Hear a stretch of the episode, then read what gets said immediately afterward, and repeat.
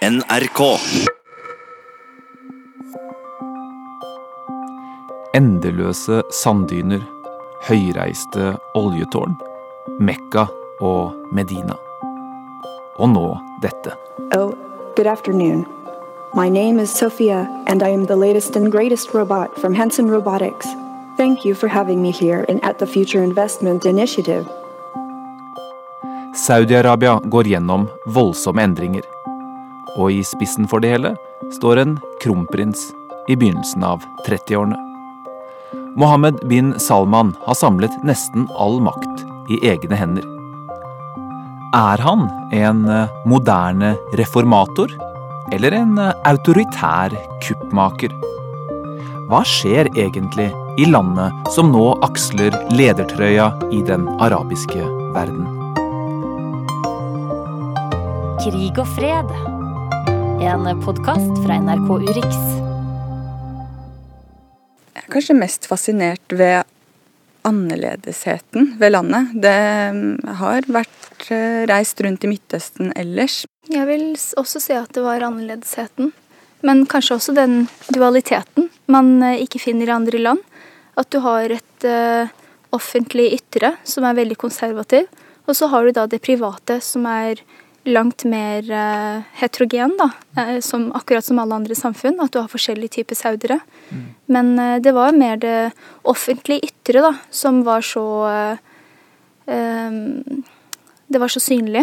Og med heterogen så mener du blandet, ikke sant? Veldig mange forskjellige typer saudere. Du har konservative, du har liberale, du har uh, saudere som liker å feste, saudere som liker å dra til moskeen. Altså veldig mange forskjellige typer saudere. Jeg heter Laila Makbul, og jeg er doktorgradsstipendiat ved Universitetet i Oslo.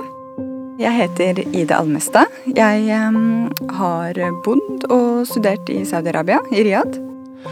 Sammen har dere bidratt til en eh, ny bok som kommer om eh, Midtøsten. Den heter Brennpunkt Midtøsten, og dere to har skrevet kapitlet om Saudi-Arabia.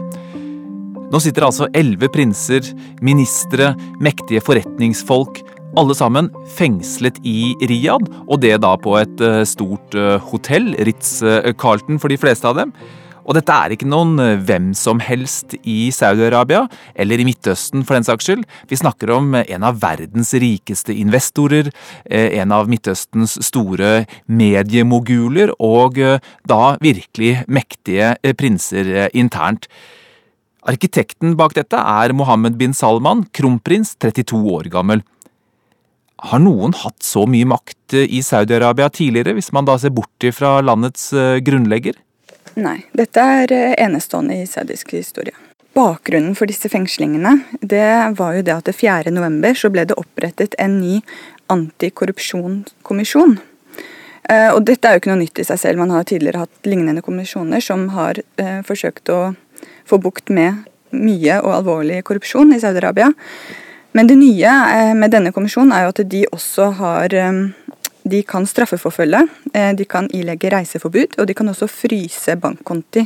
Men handler dette bare om korrupsjon? Det er jo ikke akkurat nytt at personlig økonomi og statsfinansene blandes sammen i dette oljerike monarkiet. Denne kampanjen eh, som han nå har iverksatt, er også en ledd i det å styrke, eller sentralisere makten. Og, eh, og styrke han selv og hans nære familie. Og det er, en, det er jo en interessant i og med at man da beveger seg vekk fra det tradisjonelle konsensusstyret man har hatt i Saudi-Arabia, hvor de ulike familiene av al-Saud selvfølgelig har kontrollert ulike deler av eh, det saudiske statsapparatet. Mens man ser f- at eh, denne eh, kampanjen har rettet seg også mot veldig sentrale eh, personer i viktige lederstillinger. Bl.a. Mitab bin Abdallah, som er sønnen til den forrige og nå avdøde kong Abdullah. Og han satt på toppen av et, en del av den væpnede styrken i Saudi-Arabia, ikke sant? Riktig. Han var leder for nasjonalgarden, og den familien har jo kontrollert denne garden i svært lang tid. Eh, og dette var da Dette er jo en utvikling som har gått gradvis, men dette var Ved å avsette han, så har nå Mohammed bin Salman sikret seg kontroll over Saudi-Arabias tre sikkerhetsinstitusjoner. Så nå kontrollerer han, både eller, han kontrollerer nå nasjonalgarden, hæren og Innenriksdepartementet. Hva har dere fanget opp av reaksjoner? Altså, jeg tenker uh, uh, offisielt, og det er veldig vanskelig selvfølgelig å måle hva offisielt er, eller hva den jevne saudi mener, fordi uh, det er lagt veldig stor begrensning nå på ytringsfrihet, også i sosiale medier, der det var mer vanlig å faktisk kunne uttrykke seg også litt kritisk til endringer. Og nå er det nesten helt umulig. Men det man kan si, er at saudiere generelt har hyllet disse arrestasjonene. For det gir et veldig sterkt signal om at prinser for første gang ikke kan slippe unna korrupsjon, slik, de har gjort i, eh, i eh, flere tiår. Eh, så på den måten så blir det sett på som, som, et positivt tegn. Men på en annen side så må vi ikke glemme at for, for over en måned siden, i september, så ble over 70 prominente saudiske figurer i, i den offentlige debatten Eh, bl.a. kjente religiøse personligheter eh, og også andre intellektuelle. De ble arrestert. Eh, så man, så man ser at ytringsfriheten blir, blir mindre og mindre.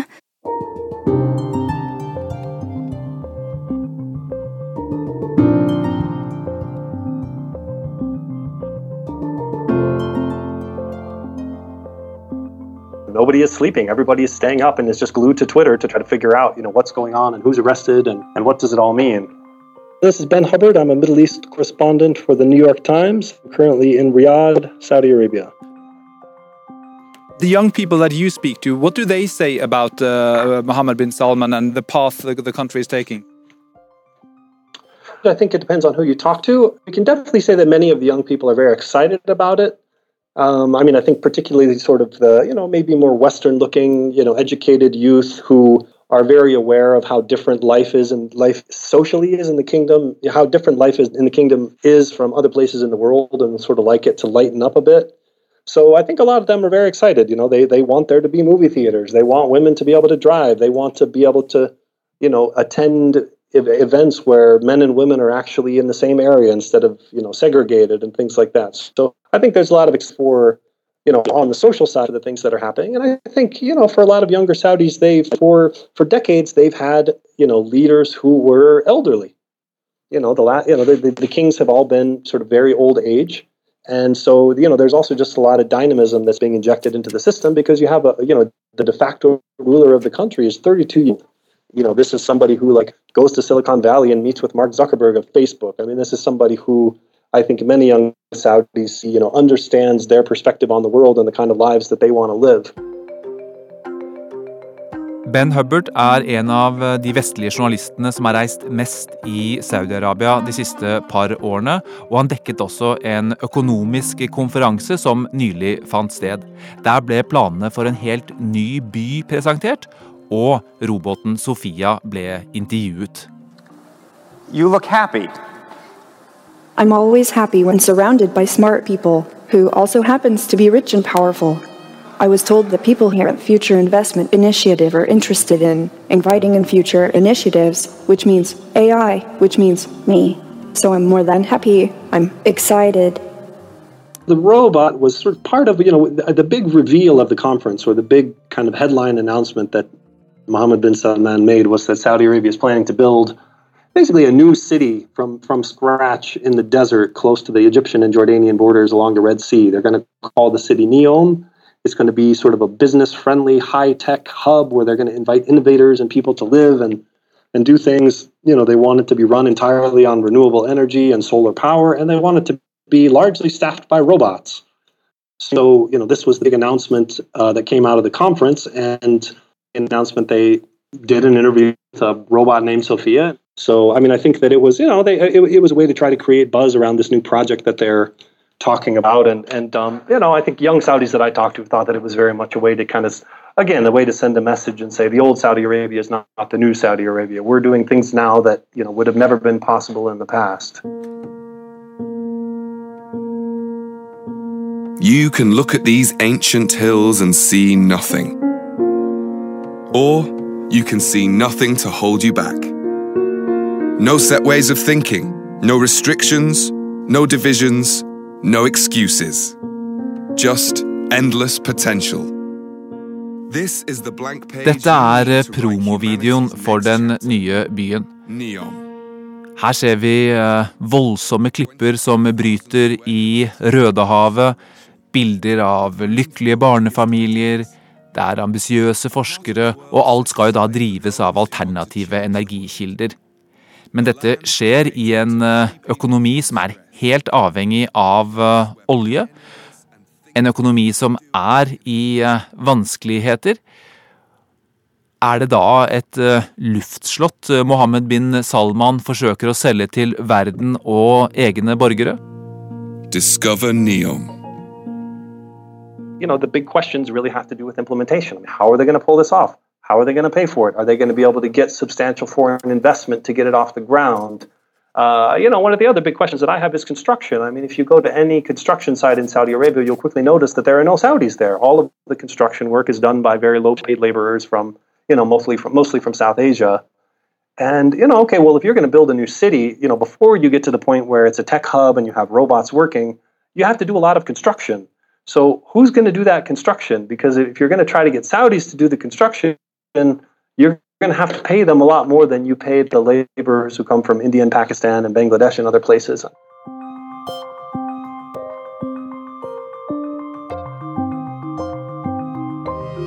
Du hører på Krig og fred, en podkast fra NRK Urix.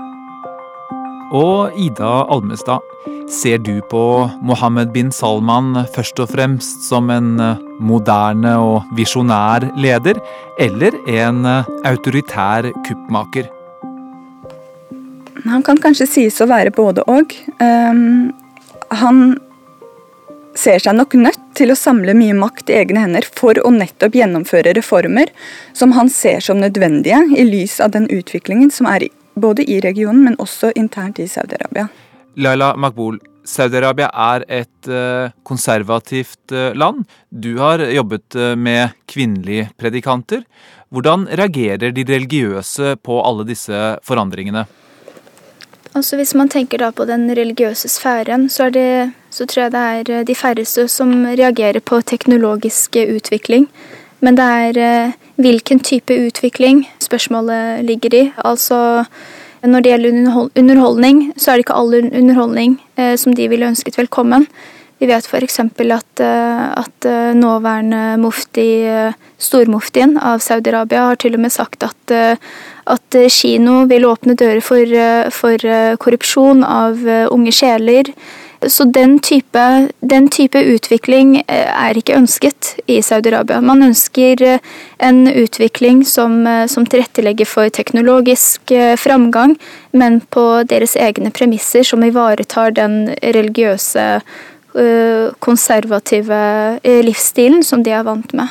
Men hele Saudi-Arabia er jo bygd opp rundt denne alliansen mellom Saud-familien på den ene siden og en konservativ gren innenfor islam, kjent som wahhabismen. Og innebakt i mye av disse forandringene ligger det jo en eh, moderne frihet i en eller annen eh, forstand, og i hvert fall ytre påvirkning. Ser du noen eh, motsetninger der? Det kan bli sett på som en motsetning, men vi ser også i, i økende grad en, eh, en veldig pragmatisk tilnærming til endringer. At, man, eh, at man eh, ønsker dem velkommen, men, eh, men prøver å påvirke dem eh, innenfra. Eh, eh, så har det vært i lang tid eh, veldig mye motstand mot at saudere studerer i utlandet, av frykt for at de da f.eks. vil bli påvirket av, av andre ideologier og også andre religioner eller ikke-religioner. Men nå i den siste tiden så promoteres det utrolig nok, og det i seg selv er en revolusjon eh, innad i den religiøse sfæren. At man ikke lenger eh, forbyr ting som kan føre til, eh, til eh, eh, altså umoral og, og andre negative aspekter i forhold til hvordan de mener er riktig eh, levemåte. Eh, men at de ønsker det velkommen, men på deres premisser. نحن فقط نعود إلى ما كنا عليه الإسلام الوسطي المعتدل المنفتح على العالم وعلى جميع الأديان Her hører vi Mohammed bin Salman snakke. Det skjer på denne investorkonferansen hvor eh, også roboten Sofia ble lansert, og denne byen Neom ble presentert for verden. Han snakker om religionens plass, om at eh, Saudi-Arabia skal vende tilbake til det de var før, et land med en moderat islam som er åpen mot andre religioner og mot verden. Men i et eh, land hvor det fortsatt ikke er lov til å bygge kirker, og kriminelle kan halshugges med sverd, må man også kunne si at det fortsatt er avstand mellom det de gjør og det de sier.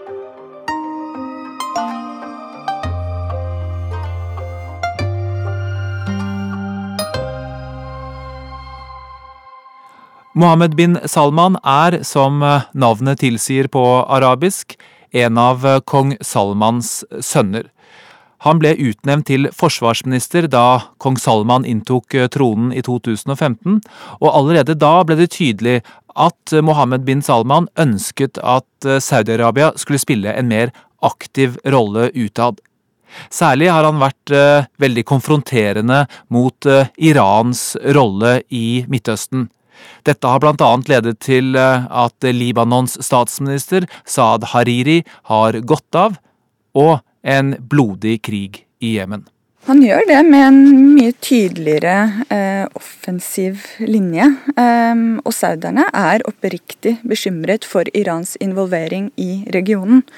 Og dette er ikke noe nytt. Eh, Saudi-Arabia og Iran har jo vært regionale rivaler siden den iranske revolusjonen i 1979. Eh, men vi ser da særlig at eh, etter eh, den amerikanske invasjonen og okkupasjonen av Irak, så har Iran styrket seg i Irak. Og Saudi-Arabia mistet dermed den bufferen som Irak da tidligere utgjorde. Og så fikk vi den arabiske våren, hvor sauderne oppfattet at iranerne styrket seg ytterligere, bl.a. I, i Syria. Eh, hvor sauderne også har gått på ytterligere nederlag. Eh, og det er jo også bakgrunnen for den saudiske involveringen i, i Jemen. Og en mer altså, ut, utypisk måte å se, se, at Saudi-Arabia griper inn som du var inne på i sted, med hard politisk mm. Eh, makt. og Hvordan syns du det har slått ut så langt? Nei, Det har jo slått svært dårlig ut. Eh, krigen i Jemen er jo en katastrofe, en humanitær katastrofe. Um, jeg kan ikke se at sauderne har oppnådd noe særlig ved, ved den uh, kampanjen. Mm. Uh, og det er noe som hefter ved. Um, og det er jo også tungt, eller vil kanskje bli tungt, for Mohammed bin Salman. Fordi dette var jo Altså, denne krigen i Jemen uh, var jo det første han gjorde som forsvarsminister, og det er egentlig det første liksom ja, det første han altså Det var en del av profileringen av Mohammed bin Salman, så den er så tett knyttet til han som person. Um, og det kan kanskje bli vanskeligere for han etter hvert.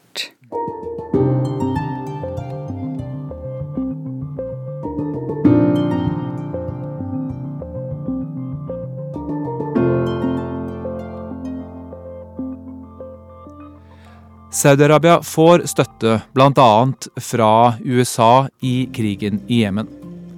Alliansen med USA har alltid vært viktig for Saudi-Arabia. Men den virker spesielt viktig nå som Donald Trump er amerikansk president. I would like to thank King Solomon for his extraordinary words and the magnificent kingdom of Saudi Arabia for hosting today's summit. I am honored to be received by such gracious hosts. Saudi-Arabia var det første landet Trump besøkte, og han benytter enhver anledning til å rose landet og dets eh, lederskap. Well, I think it's. I mean, I think it's very important, and uh, you know, it's. Uh, I mean, again, it's hard to get inside these people's heads and know sort of what's motivating when they make various decisions. But you know, there have been, uh, from from what I can recall off the top of my head, there have been no decisions that Mohammed bin Salman has made that Trump has criticized. and even things that other people in the American administration, the U.S. administration, have been, you know, more cautious about. Trump has still, you know, sort of supported, and you know, for example, when when Saudi Arabia and some of its allies decided to, um, you know, impose an, you know, a blockade on Qatar and sort of cut off relationships with Qatar, Trump came out and supported it and said, you know, we have we have to punish Qatar. They support terrorism, which is very much what the Saudis have been saying, and other people in the government, including the, uh, um, you know, other people in the government from both the military establishment and the diplomatic establishment, kind of said, wait, hold on a second. These are both allies of ours.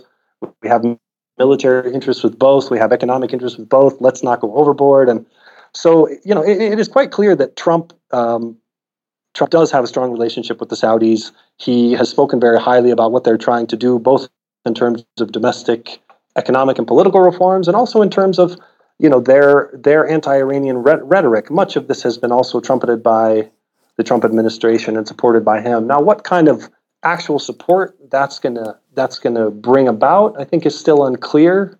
But but it is it is clear that there's a relationship there and that there's a general kind of alignment on the way that they see issues in the region. Du har hørt podkasten Krig og fred med Sigurd Falkenberg Mikkelsen.